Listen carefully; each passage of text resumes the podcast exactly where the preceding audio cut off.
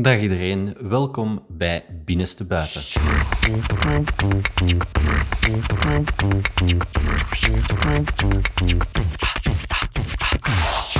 Goed, en hier vandaag bij mij uh, hebben we Femke Legijn. Uh, dag Femke, welkom bij Binnenste Buiten. Hallo. Jij bent hier vandaag uh, om met ons te spreken over eetstoornissen. Dat klopt, hè? Ja, dat klopt inderdaad. Alright. Top, Femke. Kun je jezelf misschien even voorstellen, dat mensen een beetje een beter idee hebben wie dat je bent? Um, ja, ik ben Femke, ik ben uh, 27 jaar. Um, ik ben dansleerkracht en ik dans zelf ook nog in uh, projecten als danser. Um, ja. Oké, okay, leuk. Hobby's? Heb je leuke hobby's dat je doet? Dansen. Dansen, ja, oké. Okay, goed. Je hebt van je hobby je werk gemaakt. Dat is uh, ook wel goed gezien, natuurlijk. Ja. Nee, oké, okay, super. Uh, Femke, um, ik ga het gewoon aan jou een keer vragen. Wat is, en kunt het in uw eigen woorden uitleggen, wat is een eetstoornis eigenlijk? Oh ja, een, een eetstoornis kan heel breed zijn. De mensen denken vaak inderdaad aan een eetstoornis, dat is alleen anorexia of bulimie. Maar je hebt echt een hele grote diversiteit aan, aan eetstoornissen. Binge eating disorder is dat je eetbuien hebt zonder compenseren. Dus dat je um, ja, van alles eetbuien hebt en van alles eet en zo. Terwijl anorexia dan meer het uithongeren is. Maar ja, een eetstoornis is eigenlijk, draait niet al, echt alleen om het eten. Er zit altijd van alles achter. En het eten zijn eigenlijk de symptomen of de middelen om ermee om te gaan. Hoe dat, allee, hoe dat die personen ermee omgaan. Um, alleen is het bijvoorbeeld bij anorexia vaak veel zichtbaarder dat iemand een eetstoornis is, uh, heeft. Sorry. En um, bij andere eetstoornissen is het, blijft dat vaak veel langer verborgen, omdat je dat veel ja. langer kunt verstoppen ook. Ja, oké. Okay. Dus, dus je zegt van ja, een eetstoornis, uh, mensen denken dan vaak aan het eten, maar er schuilt veel meer achter. Hè? Uh, dus eigenlijk is het eten een reactie op hoe dat ze hun mentaal voelen over zichzelf of over dingen in hun leven? Of hoe moet ik dat juist begrijpen?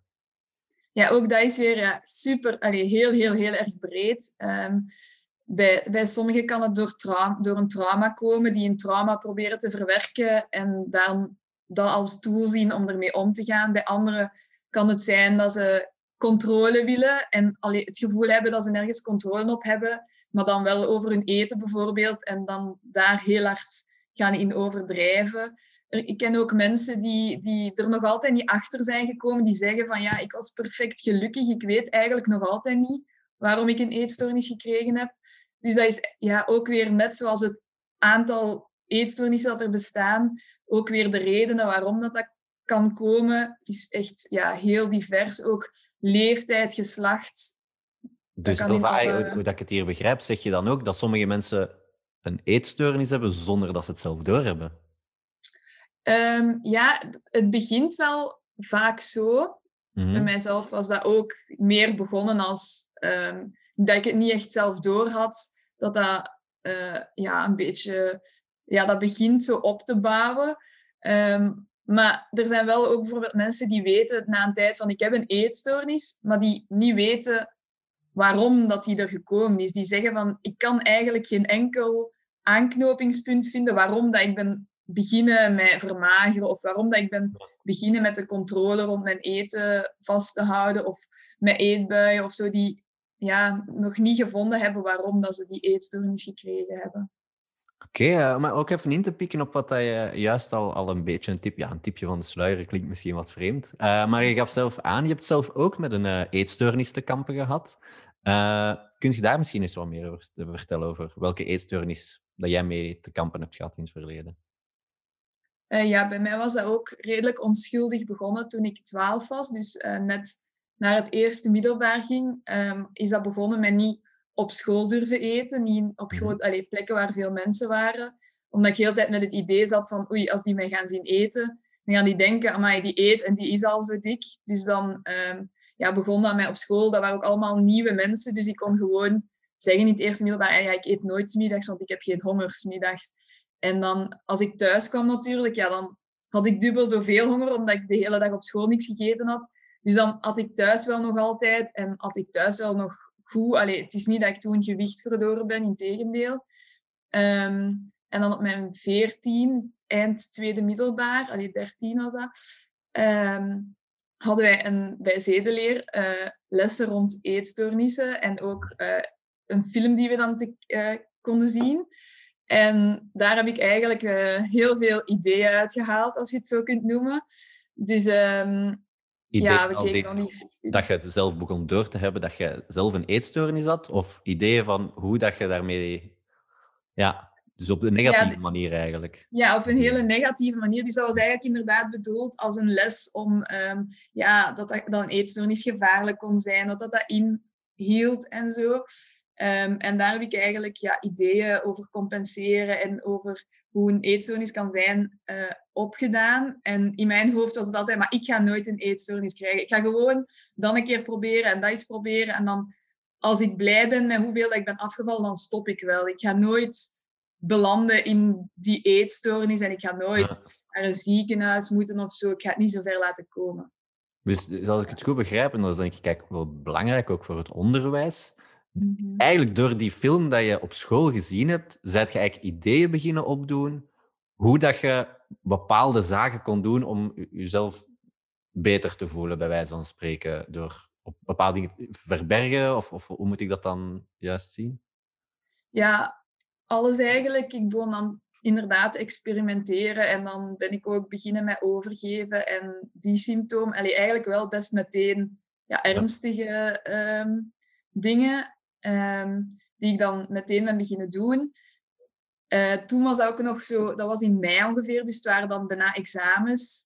En uh, mijn mama die had dat heel, ja, ik ken eigenlijk echt niemand anders waarbij dat de ouders het zo snel door hadden of zo dan bij mhm. mij ik was echt nog amper afgevallen dat mijn mama zei, ga de weegschaal eens halen, want uh, hier, klopt iets niet. En dan ja, was ik een klein beetje afgevallen. Ik zei, ja, dat is door de examens, hè, dat is door de stress. Dan is dat weer even stilgevallen, dan was het grote vakantie. Dan was ik constant thuis, dus kon ik daar niet echt mee verder gaan of zo. Maar dan vanaf derde middelbaar is het dan meteen ja, echt helemaal geëscaleerd. Mijn mama had ook wel weer al super snel door. Mm maar dan is het echt ja, ja, heel snel bergaf gegaan. Ja. ja. Nu, om even terug te gaan, iets meer naar het begin, hè, naar de aanleiding ervan. Je gaf hier juist aan aan van ja, ik, ik wou niet op school eten, want anders konden mensen mij zien eten. En dan, dan gingen ze met mij lachen om, omdat ik te dik zou zijn. Als, als je daar nu naar terugkijkt, want dan spreken we hier over, over 15 jaar geleden, Wa waart je dikker dan, dan dat, je, dat je nu bent of voelt? Of, of had je ook overwicht? Of denk je nu van, ja, dat was eigenlijk toch maar iets dat ik in mijn hoofd gestoken heb? Wel, als ik nu bijvoorbeeld bij mijn ouders, tot nog niet zo lang geleden waren we zo een uh, filmpje van vroeger aan het kijken, dat we in het mhm. met de, uh, met de familie waren en zo. En ik keek naar tv, toen zat ik ja, in het zesde of zo, als leraar, en ik keek daarnaar en ik ja, ik zeg echt, mama, ik was helemaal niet dik toen. En mijn mama zo, ja, natuurlijk niet. Allee, waarom zeg je dat nu? Je bent nooit dik geweest. En dan, ja. dat was wel echt heel raar, dat ik daar toen zo naar keek en dat ik dacht van, ik was toen helemaal niet dik. Ehm, maar ja, dat is wel voortgekomen van bepaalde gebeurtenissen en zo. Dus, ja. Is dat iets waar je comfortabel bij bent om over te praten? Omdat je zegt, uh, ja, ik, uit. Van waar dat het gekomen is. Ja. Dat gevoel. Ja, ik denk dat bij mij ja, heel niet van één specifiek ding of zo gekomen is, is veel bij elkaar eigenlijk. Als ik hmm. ja, achteraf na jaren therapie, allee, dan leert je daar naar kijken en een beetje analyseren en zo.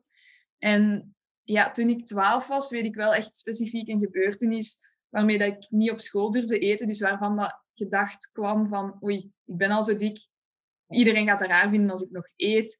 En ja, dat was, ik ga geen namen of zo noemen, maar op een familiefeest dan was er iemand die uh, een weegschaal had buiten gezet en die wou iedereen wegen, alle kinderen die daar aanwezig waren. Um, ja, ik was toen net twaalf, dus zoals dat, allez, ik was heel onzeker. Um, ik had mij verstopt, ik wou absoluut niet op die weegschaal gaan staan, maar ja, uiteindelijk hadden ze mij dan gevonden en dan ja, was ik toch op die weegschaal gaan staan.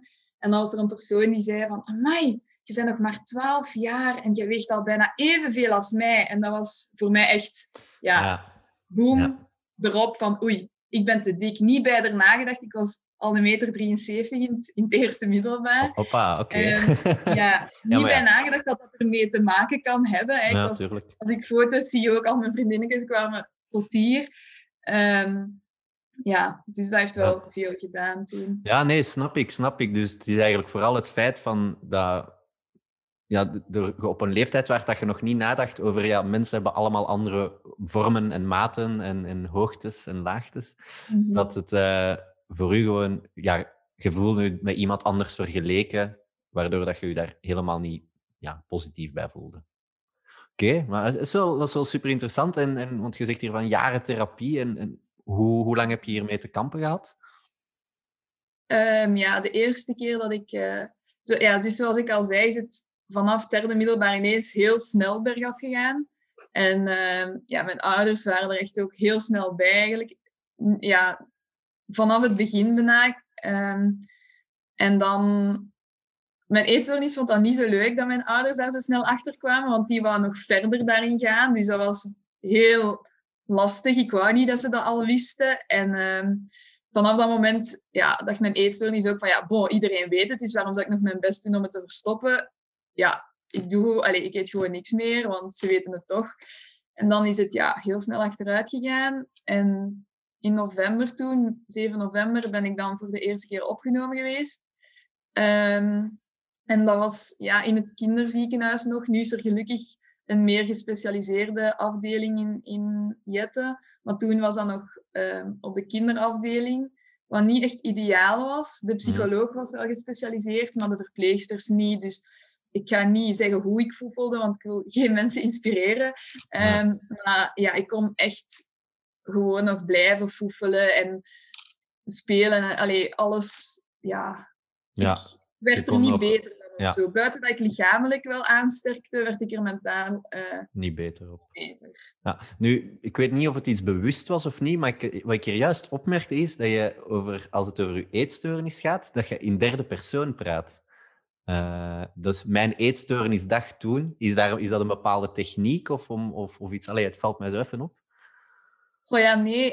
Um, het ding is, mensen met een eetstoornis zijn niet hun, hun eetstoornis. Mm uh, het is, ja, dat klinkt alsof dat je gek bent of zoals ik dat nu vertel. Het is eigenlijk, je eetstoornis is eigenlijk een extra stemmetje of een extra iets die, die je allemaal regels oplegt, die je dan zogezegd moet volgen dat klinkt heel gek, maar ja, je krijgt dan bepaalde angsten. Of als ik daar nu ook over nadenk, over dingen die ik toen dacht of waar ik bang voor was, dan denk ik echt van, oh my god, Femke, dat ik echt bang was om eten te ruiken, bang was om, om in de bus de paal vast te houden, want als iemand anders had aangeraakt en die had juist gegeten, wie weet ging ik dan bijkomen. Allee, echt zo ja, hele absurde dingen.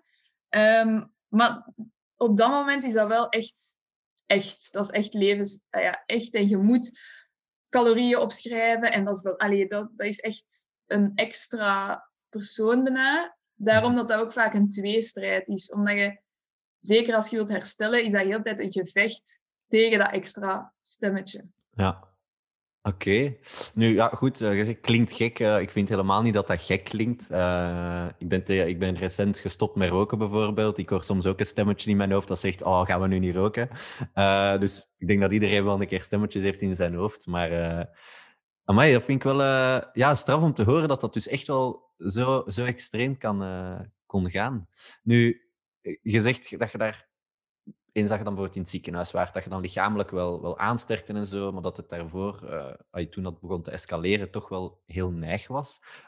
Welk effect had dat dan op je fysiek? Um, ja, in het begin vooral ja, altijd koud. Je krijgt zo dons haartjes, altijd paarse blauwe lippen. Um, heel flauw als je recht staat, meteen duizelig en zo. Um, mijn bloed was ik weet nog dat alles bijna slecht was, behalve mijn trage suikers waren nog oké.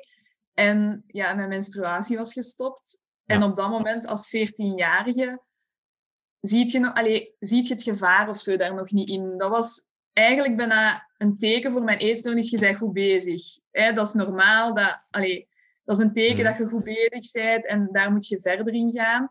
Um, ik denk ook omdat het zo snel dat de mensen er zo snel bij waren. En mijn eetstoornis was echt nog niet klaar Allee, ik was nog niet klaar om mijn eetstoornis op te geven op dat moment. Ja, ja, ja.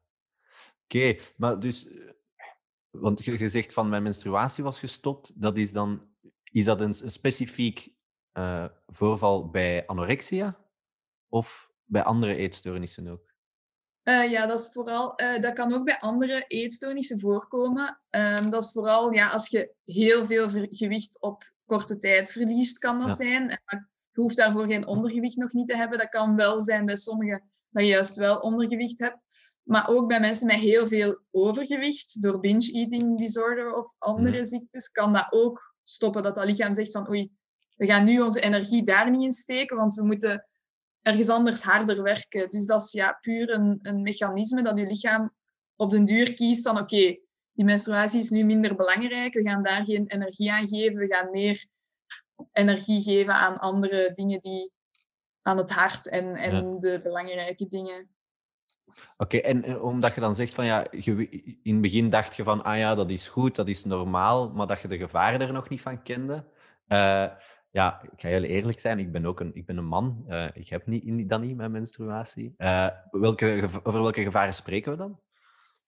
Ehm, ja, ik was, ja, gelukkig is na een jaar bij mij is dat teruggekomen, maar Mhm. als dat, allee, dat kan zijn dat je onvruchtbaar wordt ehm, ja. als je menstruatie, allee, als dat nooit meer terugkomt of dat je problemen krijgt, vruchtbaarheidsproblemen krijgt. Maar er zijn ook inderdaad langdurige ehm, symptomen.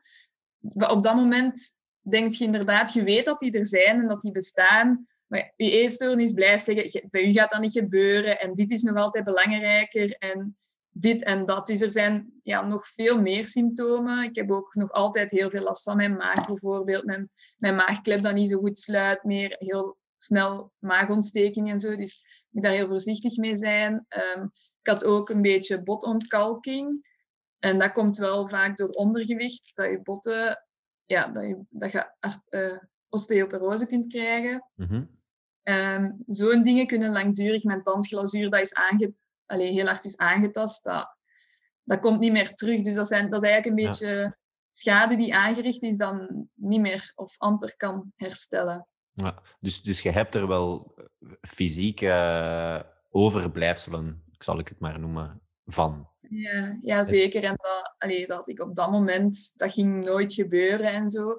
Ja. Ja, ook voor... Ja, je had u zelf dat zo voorgenomen Ja. bij die film. Ah ja, hè, dat en dat ga ik doen, maar aan mij ga ik dat en dat ga ik nooit voor hebben. Maar uiteindelijk dan wel eigenlijk.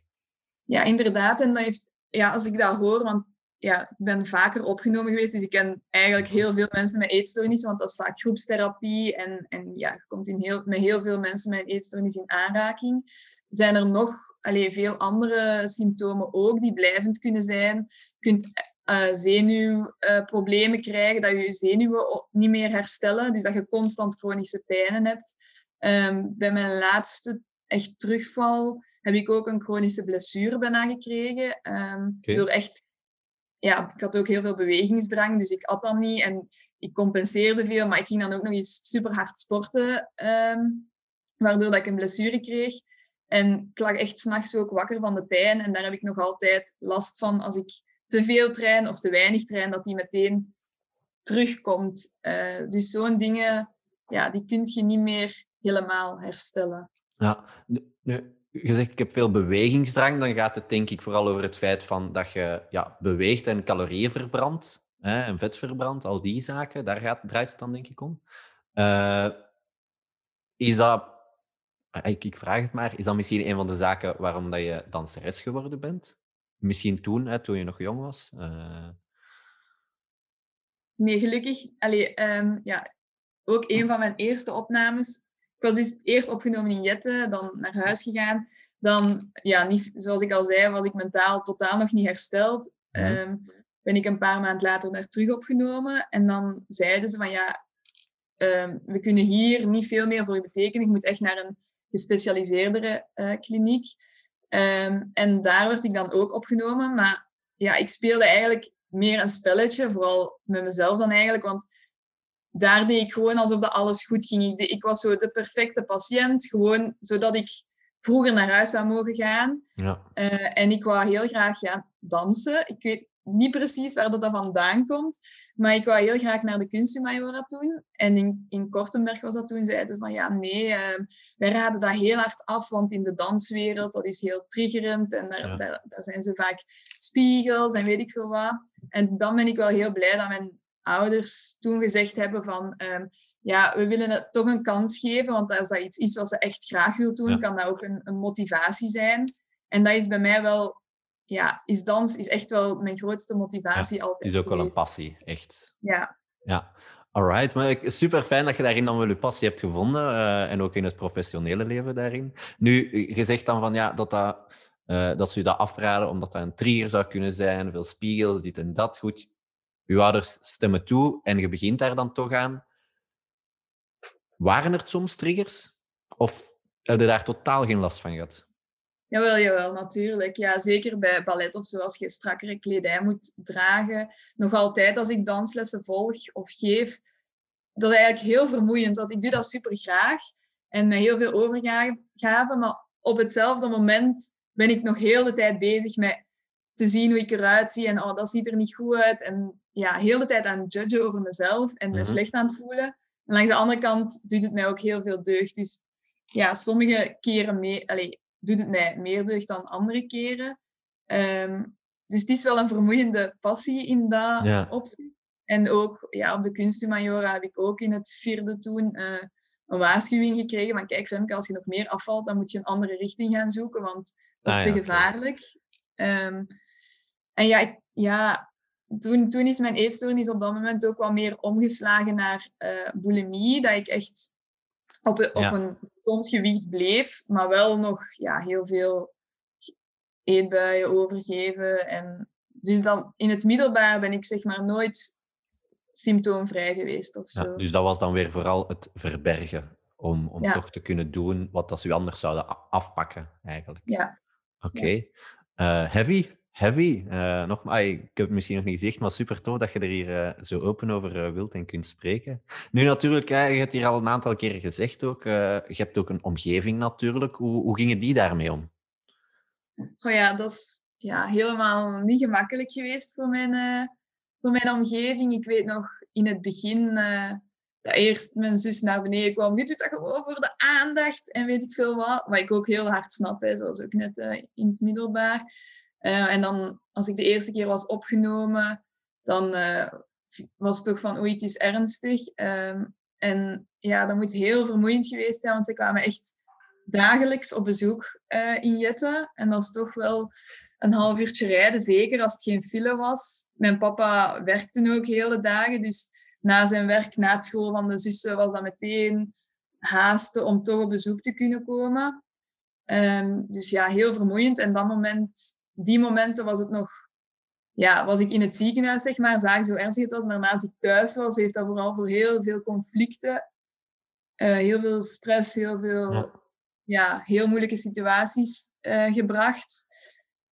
Ja, waar ik me nog altijd schuldig over voel en die nooit de bedoeling waren ook geweest om, om iemand te kwetsen of om het anderen moeilijk te maken.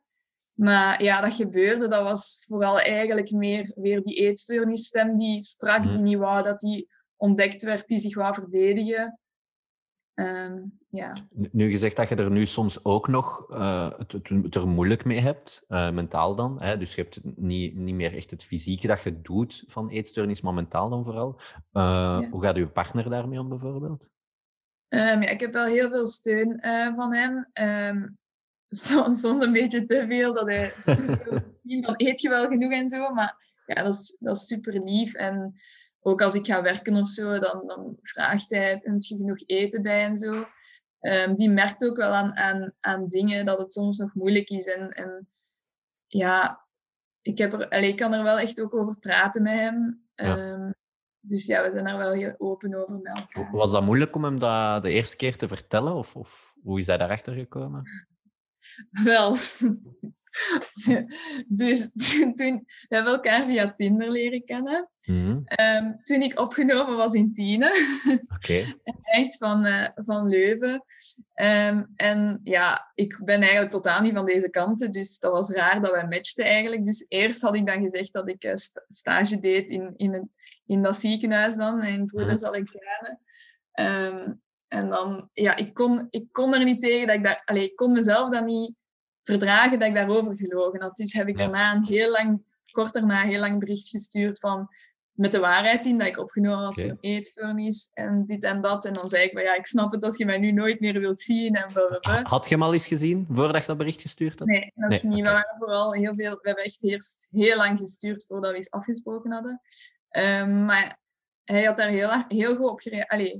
heel mhm. positief op gereageerd. Hij vond dat goed dat ik eerlijk was. En hij zei van ja, kijk, iedereen heeft wel dingetjes. Hè. Iedereen maakt wel iets mee in zijn leven. Dat is geen reden waarom ik u niet meer zou willen zien. Of, of weet ik veel. Want dat was echt in mijn hoofd wel zo van oké, nu is het afgelopen. Want ja, wie wil er nu iemand ja, ja, ja. die een eetstoornis heeft? Um, maar on, mijn, onze relatie heeft echt heel hard geholpen ook in mijn herstel. Oké. Okay. Uh, Ah, kei leuk om te, om te horen dat er uh, ook nog mensen in de wereld zijn die niet direct beginnen judgen en zeggen ciao, tot nooit meer. Uh, super tof om te horen. Nu, Femke, als het gaat over uh, mensen in de omgeving, is het denk ik wel ook interessant dat je vertelt hoe dat ja, het volgens jou was en, en voor hen was. Maar we hebben een extra gast uitgenodigd vandaag en dat is je mama. Aniek, ben jij ook daar? Hallo. Hallo. hey, dag Aniek. Alles goed? Ja, ja. Alright, super. Ook uh, aan jou, Nick, welkom bij Binnenste Buiten. Misschien uh, kunt u jezelf uh, even kort voorstellen dat je de mama bent van Femke. Dat weten we al, maar wat moeten we nog weten over u?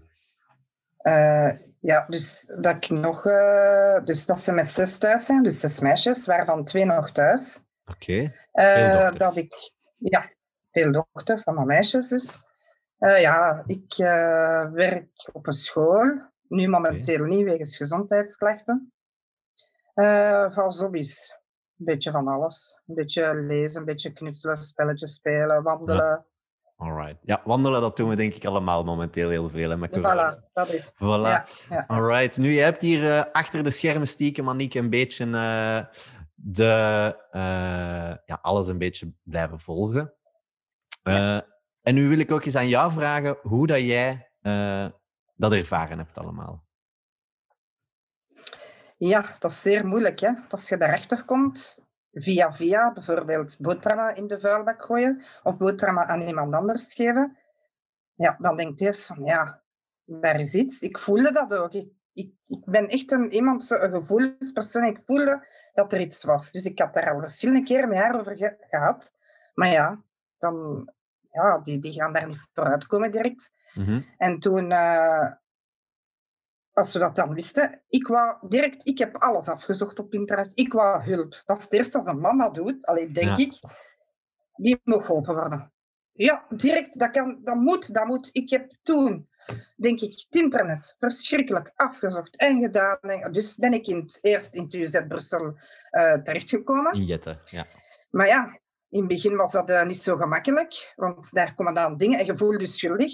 Ik als mama voelde mij zeer schuldig toen. Van ja, kijk, misschien heb ik te veel kinderen. Misschien vindt ze dat ik te weinig aandacht. Ja, zij is de oudste. Dus dat was normaal dat je soms een keer zei van, ah, wil jij even uh, Renske nemen of wil jij die? Dus ik voelde mij daar zeer... Ik zeg, ja, we hebben van haar te veel gevraagd misschien. Mm. Ik begon daar zo heel hard... Nou, ik kon niet meer slapen, omdat ik daar... Const, ik was constant met die dingen bezig. Constant. Dus ik dacht, ja, Mariette, zijn ze daar ook niet veel van eigenlijk. Ik vond ja, als zouden ze daar wel een gesprek met haar bij, maar dat was het dan. Uh, ja, en dan is dat liegen als ze, als ze deed. En ja, dat was niet gemakkelijk. En voor, dan, voor die anderen ook niet. Maar ja, voor haar dan ook niet natuurlijk. Hè. Maar ja, zij erkenden elkaar stoornis totaal niet. Hè. Dus is ze uiteindelijk in Kortenberg terechtgekomen, waar dat ze een mooie brief dan schreef. Ze moesten daar een evaluatie maken alles gaat goed en ik, ik kan super eten weer en ik een hele ding. Maar ik dacht, nee, dat klopt niet. Dat klopt niet. Die zien dat daar niet. Die zien dat niet, dat dat niet waar is. Dat is... En toen zei ik, ja, maar die wil terug gaan dansen. Dat is daarmee dat die dat doet. Hoe zeggen die tegen mij? Maar die heeft nooit gezegd dat ze danst. Eerst tegen mij. Ja. Ah, dus in mijn eigen, zo goed. Hè. Maar ja, uh, ze zei dan daar ontsla ontslagen. Maar ja, thuis ging dat dan even beter. Dat was zo goed voor een veertien dagen. En dan begon dat terug eigenlijk wel. Terug uh, haar, haar eetgewoonte beperken. Eh, ik weet dat ik met jaar naar de winkel ging. Dat ik zei van nu gaat je wel iets nemen voor te eten. Want dan was dat één blaadje sla. zeg, en een tomaten of zo, dan kwam ze thuis, dan had ze één blaadje sla. Dus, maar ja, alles ik was zie dan Femke zichzelf al verstoppen. Femke is daar zichzelf al aan het verstoppen. Ja, dat is niet... Ja, ik snap dat. Maar dan uiteindelijk zijn we dan in Tiene terechtgekomen. En daar hebben wij als ouders, dat was de eerste keer, als ouders heel veel ondersteuning gehad. Ja. Maar dat ze ook, zij, dat moet ik wel zeggen, in Kortenberg zeiden ze mij wel, wat dat je moet doen, mevrouw, is onvoorwaardelijk uw kind steunen. Maar ja, dat deden wij. Dus dat zat Ja. altijd in mijn hoofd. Onvoorwaardelijk steunen. In Tiene zeiden ze dat ook. En daar hadden wij andere patiënten, andere ouders, hadden wij gezamenlijk therapie. En dat was pas echt, dat was echt veel beter om te zien hoe dat die meisjes zich voelden en hoe dat je daar eigenlijk begrip voor kon hebben, hoe, hoe moeilijk dat het voor hen ook is. Hoe een tweestrijd dat altijd was. En daar heeft ze dan toch zes maanden geweest. En heeft ze een kleine heropname een keer gedaan ook.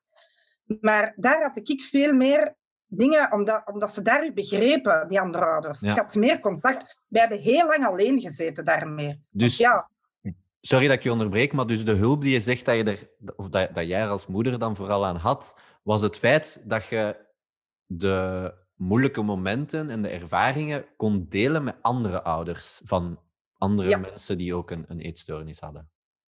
Ja, nu om ook even in Ja. te pikken op wat dat je nog zei, want ik denk je hebt wel een aantal interessante dingen gezegd. Ehm, bijvoorbeeld in het begin, toen dat ze dan eh, Allee, je, je had het rap door, hè, dat ze een eetstoornis had, of dat er toch iets scheelde. Hè, Femke, dat is wat jij er juist denk ik ook zei. Mijn mama had het heel snel door.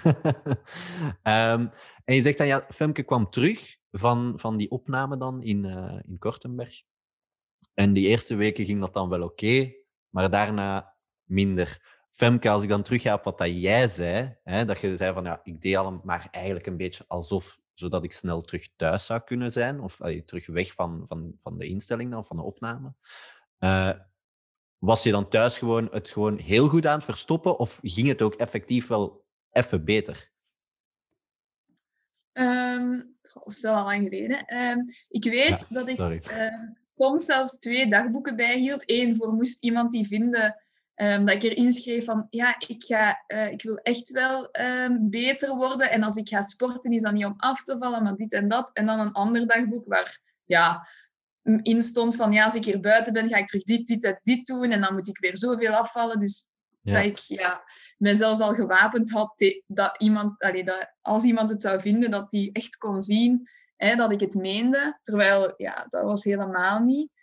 Ehm, en ja, ik verstopte het dan wel, maar ja, mijn mama, ja, inderdaad, die, die was ook veel thuis en zo. Die, die had dat vaak door, waardoor dat er denk ik ook heel veel frustraties en zo waren, want zij waren ook echt radeloos. Ze, hebben- ze hebben echt... Ze zijn met mij van hier naar daar gaan tot in Lier voor therapie. Ehm, Ja.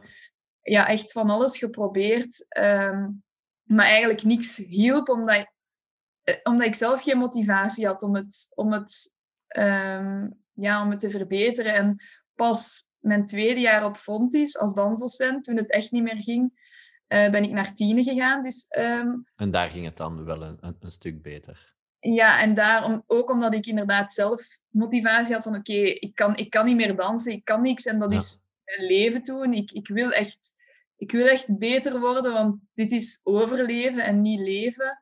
Ehm, en ja, dat, dat heeft mij wel het meeste geholpen, die opname Ja, inderdaad. nu, nu in Tina, Aniek gaf het juist aan, of ah, uw mama gaf het juist aan, eh, dat daar ook de therapie met de ouders bij was. Eh, zij hebben daar heel veel aan gehad, zegt ze. Heb, heb jij daar iets aan gehad, dat dat met de ouders bij was? Ja, ja, heel veel. Dat was dan met, ik denk dat we met drie meisjes van, van in opname waren en hun ouders. En dan werden ook die verschillende si- thuissituaties besproken. Dus dan konden en wij als, als ja, patiënten of, of weet ik wel, eh, ons herkennen in elkaar, maar ook de ouders. Dus dat was ook goed voor ons om te horen hoe dat zij het beleefden en wat dat zij meemaakten. En ik zag ook dat dat heel veel steun bracht, dat die ouders met elkaar konden praten.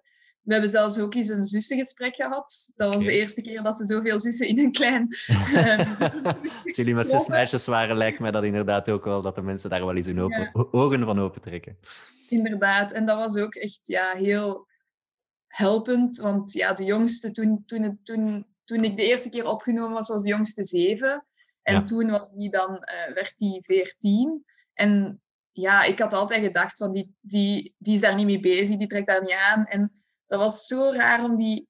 Want dat was ook een broer- en zussenavond, dus waar allemaal broers en zussen mhm. waren. En, en de dokter vroeg dan een, een, een, een vraag, of, of de eetstoornis, of dat wij dat waren. En dan e-, die, die zei dat voor iedereen. Ik was echt zo... En zegt van, nee, kijk, je hebt Femke en je hebt de eetstoornis. En die begon dan zo uit te leggen. En ik dacht, oh, die is daar ook Uw kleine zussen leggen dat uit. Ja, dat klopt. En dat was, ja, dat was voor mij ook wel echt een beetje ontroerend zelf. Van, allee, dat, dat ze dat toch zo zag. Zeker omdat het begonnen was toen zij zeven werd. Dus dat is echt wel een beetje haar opgroeiende jaren en zo. Dat ze daar te al mijn zussen eigenlijk mee te maken hebben gehad. En daar heb ik me ook altijd ja, schuldig over gevoeld. Dat die tijd, ik weet nog dat een andere zus, die, die ook in het lager zat toen, um, man bij het hond was zo net in hun klas. En zij had dan in de praatronde verteld hè, dat ik in het ziekenhuis lag met een eetstoornis en zo. En die wouden um, komen filmen, maar ik was daar ja, helemaal niet klaar voor. Um, en die zeiden van ja, we gaan uh, de camera in de, gewoon hier zetten, dan kun je rustig met je zus babbelen. Maar zij was ook tien jaar of zo toen. En wij zeiden oké, ja, we zaten op het stapelbed. En we begonnen alle twee te wenen. En ja, dat ging, wij konden dat, dat ging niet. Dus dan begonnen wij een heel verhaal op te maken over dingen die niet waar waren en zo. Gelukkig heb ik dat nooit op tv getoond. Maar ja, ja ik heb me daar wel schuld, nog altijd schuldig over gevoeld. Allee, ik heb nog altijd het gevoel een beetje dat ik zo een jeugd verpest heb. Ja. Uh, die jaren, ja. Alright. Nu, uiteindelijk, hè, je bent er wel bovenop gekomen. Hoe is u dat gelukt om daar uiteindelijk dan toch ja, dat te overstijgen en, en daar bovenop te komen? Um, ja, vooral die motivatie zelf uh, vinden, waarom dat je wilt genezen. Want als je dat niet, niet hebt, als je niet weet waarom dat je het wilt doen, dan, dan gaat je altijd blijven hangen in die symptomen. En wat was uh, motivatie dan bij jou? Ja, eerst vooral dans, omdat ik voel, ik, dat, was, dat is nog altijd, dat was echt mijn passie. En ja, ik kon gewoon, ik herinner echt nog lessen dat ik gewoon bij modern op is gewoon helemaal van achter in de klas stond en dat ik gewoon niet kon, dat ik gewoon geen kracht had om te bewegen bijna zelf. En ja, dat was, toen heb ik wel echt zelf gezegd van ja, ik wil, ik wil toch in opname, want gewoon psychologisch niet genoeg. Ehm, en in die opname, ja, dat heeft mij heel hard geholpen.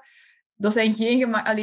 ik weet dat ik dat nu soms zo wat romantiseer. Iedereen heeft dat zo van, oh, in die opname, daar had je wat rust, daar heb je mensen die je begrijpen rond u en zo, maar dat waren ook echt geen gemakkelijke tijden. En buiten dat je elkaar heel goed begrijpt, kan een eetstoornis ook heel competitief zijn. Dus dan voelt je altijd alsof ah, dat, je, dat je symptomen minder erg zijn dan bij iemand anders of zo. Of dat die het toch beter... Allee, dus dan ja, ken ik ook, ken ook heel veel mensen en ik zelf ook, na, na een eerste opname of tweede opname, dat die eigenlijk juist buiten komen met meer ideeën of meer inspiratie, net zoals ah, ja. video. Dat je dat deelt met, met, met de mensen die, die daar ook zitten. Ja. ja, en dan klinkt dat misschien net iets erger of weet ik veel wat. Of dan krijg je nieuwe dingen. Ah ja, dat kan ik ook nog eens proberen of, of zo'n dingen. Uh, maar toen ik dan ja, zelf gekozen had voor opname, was ik twintig. Dus dan was ik zelf ook al wat ouder en ondervond ik zelf van oké, ja, als ik nu mijn menstruatie niet terugkrijg, kan het wel echt gevaarlijk zijn. Ik had ook kaliumtekort, wat ook... Ik heb echt momenten gedacht van, oké, nu ga ik hier dood neervallen. En zelfs dan nog is die eetstoornis te sterk om te zeggen, stop ermee. Dat, dan denk je dat wel die moment, oké, nu is het gedaan, nu ga ik hier gewoon neervallen en, en het is gedaan met mij.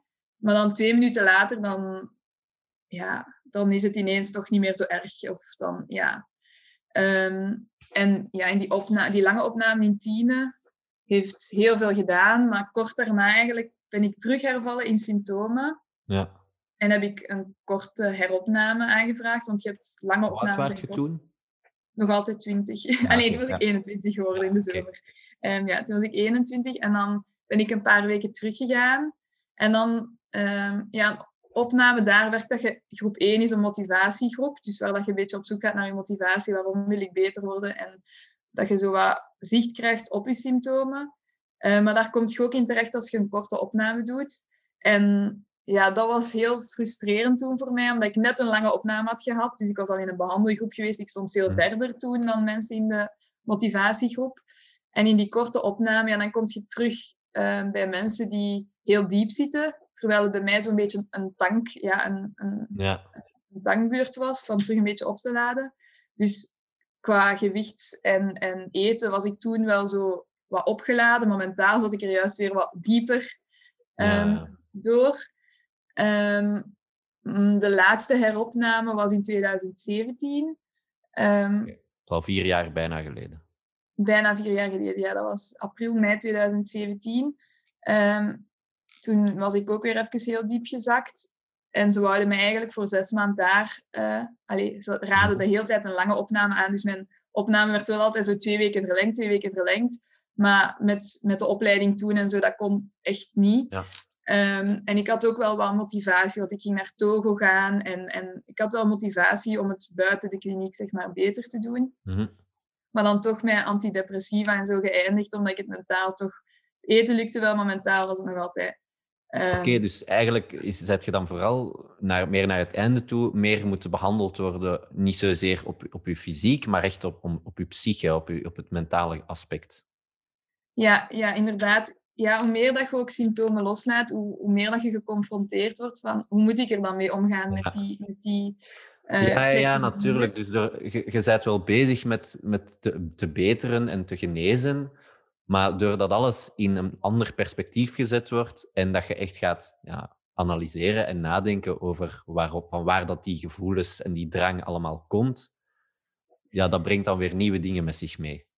Ja, allee, ook, allee, daar wordt wel heel hard ook gewerkt. Ehm, in therapie heb je verschillende therapieën. Je hebt met de diëtist, maar je hebt ook heel veel groepstherapie bij de psycholoog en zo.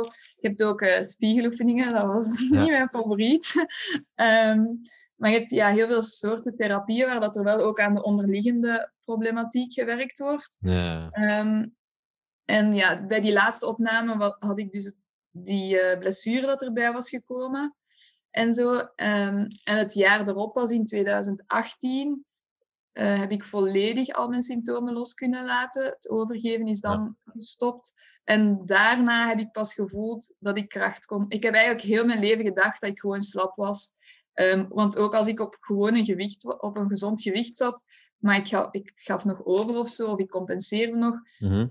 Leek het al alsof ik geen kracht kon opbouwen, alsof ik nooit sterk ging zijn, kon niet, allee, van die dingen. En pas na 2018 heb ik ontdekt dat ik wel kracht kan opbouwen. Dus dat wel degelijk ook het overgeven daar eh, heel veel in stand hield van, van slecht, van ja, gewoon dat, ik niet goed voor mijn lichaam zorgde en dat je lichaam daar wel echt heel hard op reageert.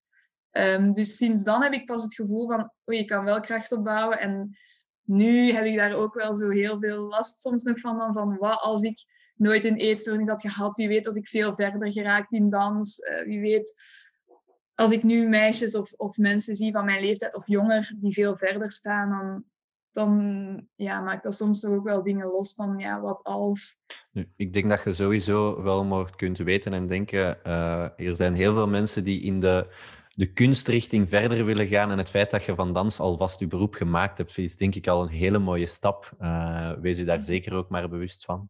Eh, nu, we moeten natuurlijk een klein beetje kijken naar de tijd. Eh, we gaan hier geen vijf uren praten. Zo lang luisteren mensen blijkbaar helaas niet naar de podcast.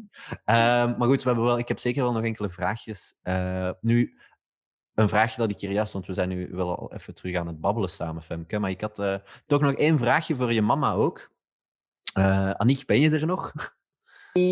Ja, Ja, ja, ja, alright, super. Nee, Annick, een vraagje dat ik nog eh, had, dat ik nog wou stellen voor jou.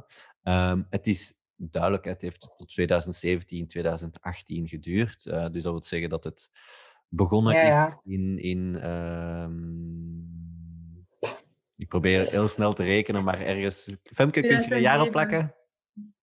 Het is echt 2007. bergaf gegaan in 2007. 2007, ja, alright.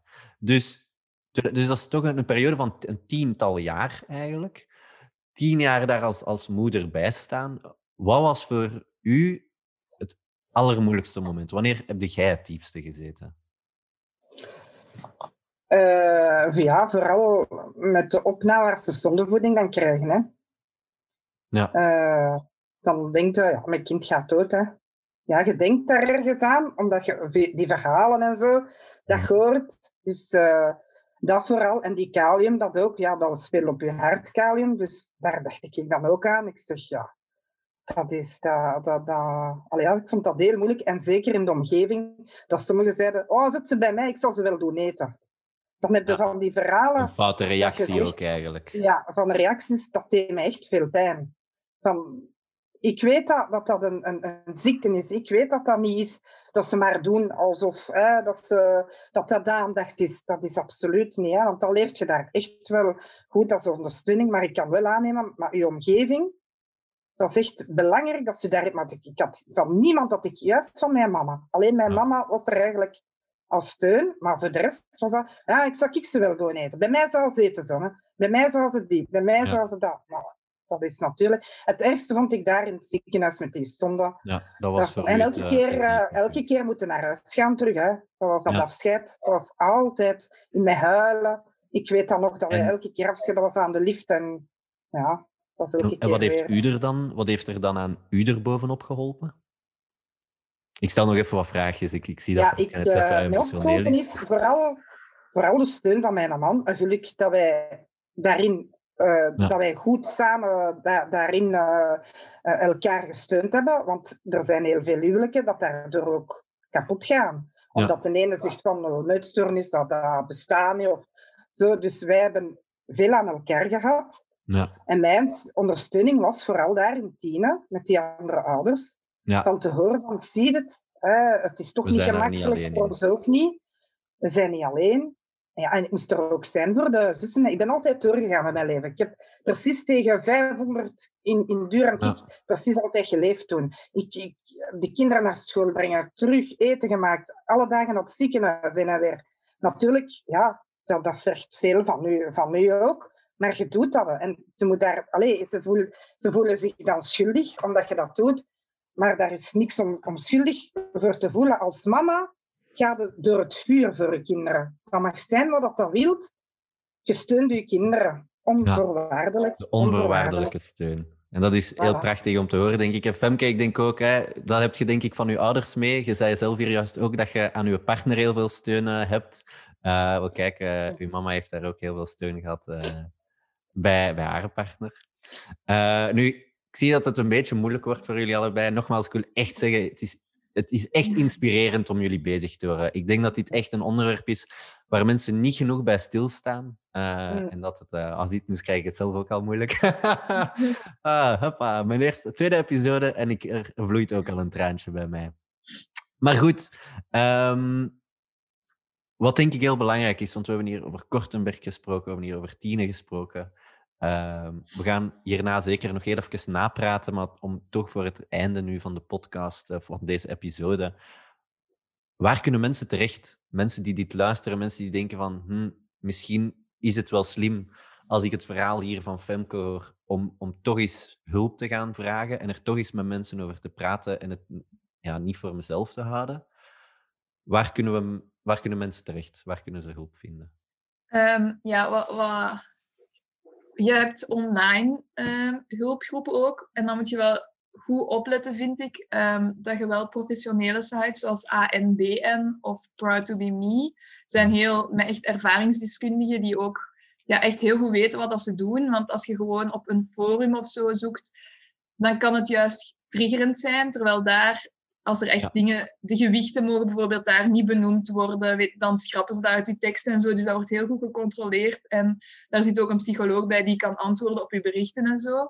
Dus ANBN en Proud to be Me zijn wel echt ehm, heel goed daarvoor. Ehm, ze hebben bij ANBN ook een inloophuis waar dat ook de omgeving terecht kan. Ze lenen ook boeken uit. Ja. Ehm, ik weet dat ik dat in het begin heel verschrikkelijk vond. Aan de, aan de eettafel, mijn mama met haar stapel boeken uit de bibliotheek. Allemaal over anorexia, bulimie. Ehm, maar ja, het is wel...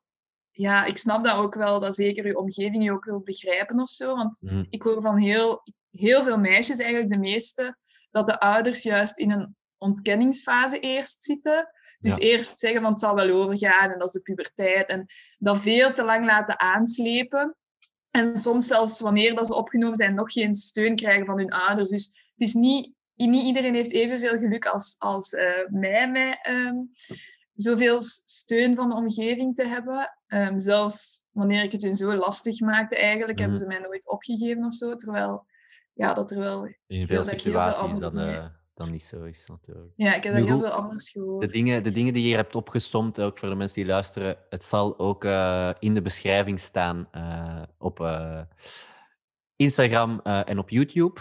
Eh, zal het zeker, gaan we ah, zeker een postje zetten dat mensen weten waar dat ze terecht kunnen, is denk ik heel belangrijk. Nu om af te ronden, eh, zowel Femke als Aniek, eh, als er nog één ding is, niet te lang, gewoon één ding is dat je nog wilt zeggen aan, aan de luisteraars, hoeft niet per se naar mensen te zijn die eventueel al dan niet ermee kampen, maar gewoon in het algemeen.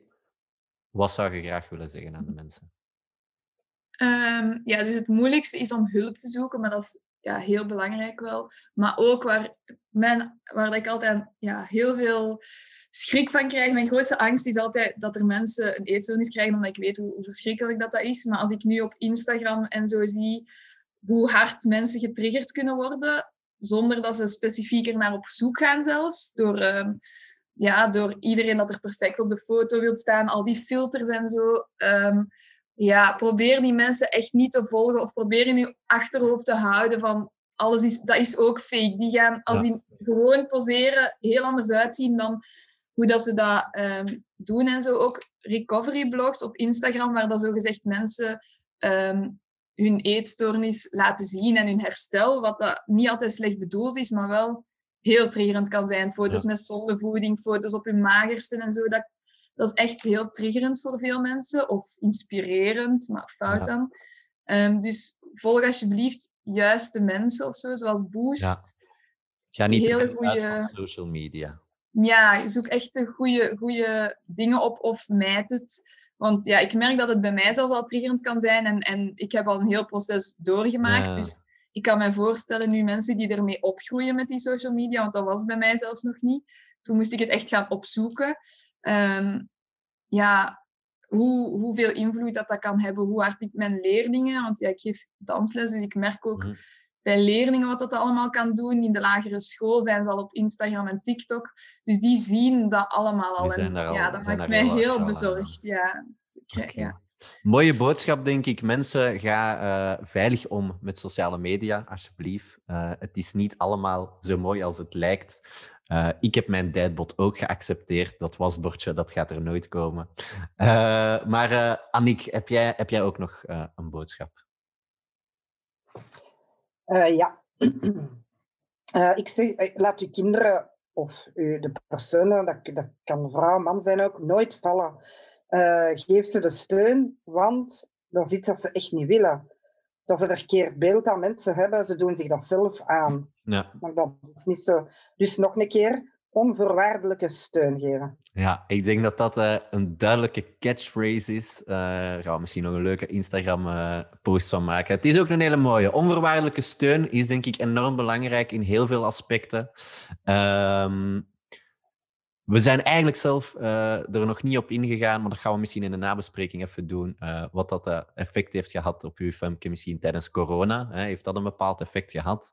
Maar dat, is, dat doen we later. Misschien posten we dat nog wel online. Dat zien we wel. Goed, Femke, Annick, ik wil jullie enorm bedanken om hier te zijn tijdens onze tweede episode van Binnenste Buiten. Dus ja, dankjewel om erbij te zijn vandaag.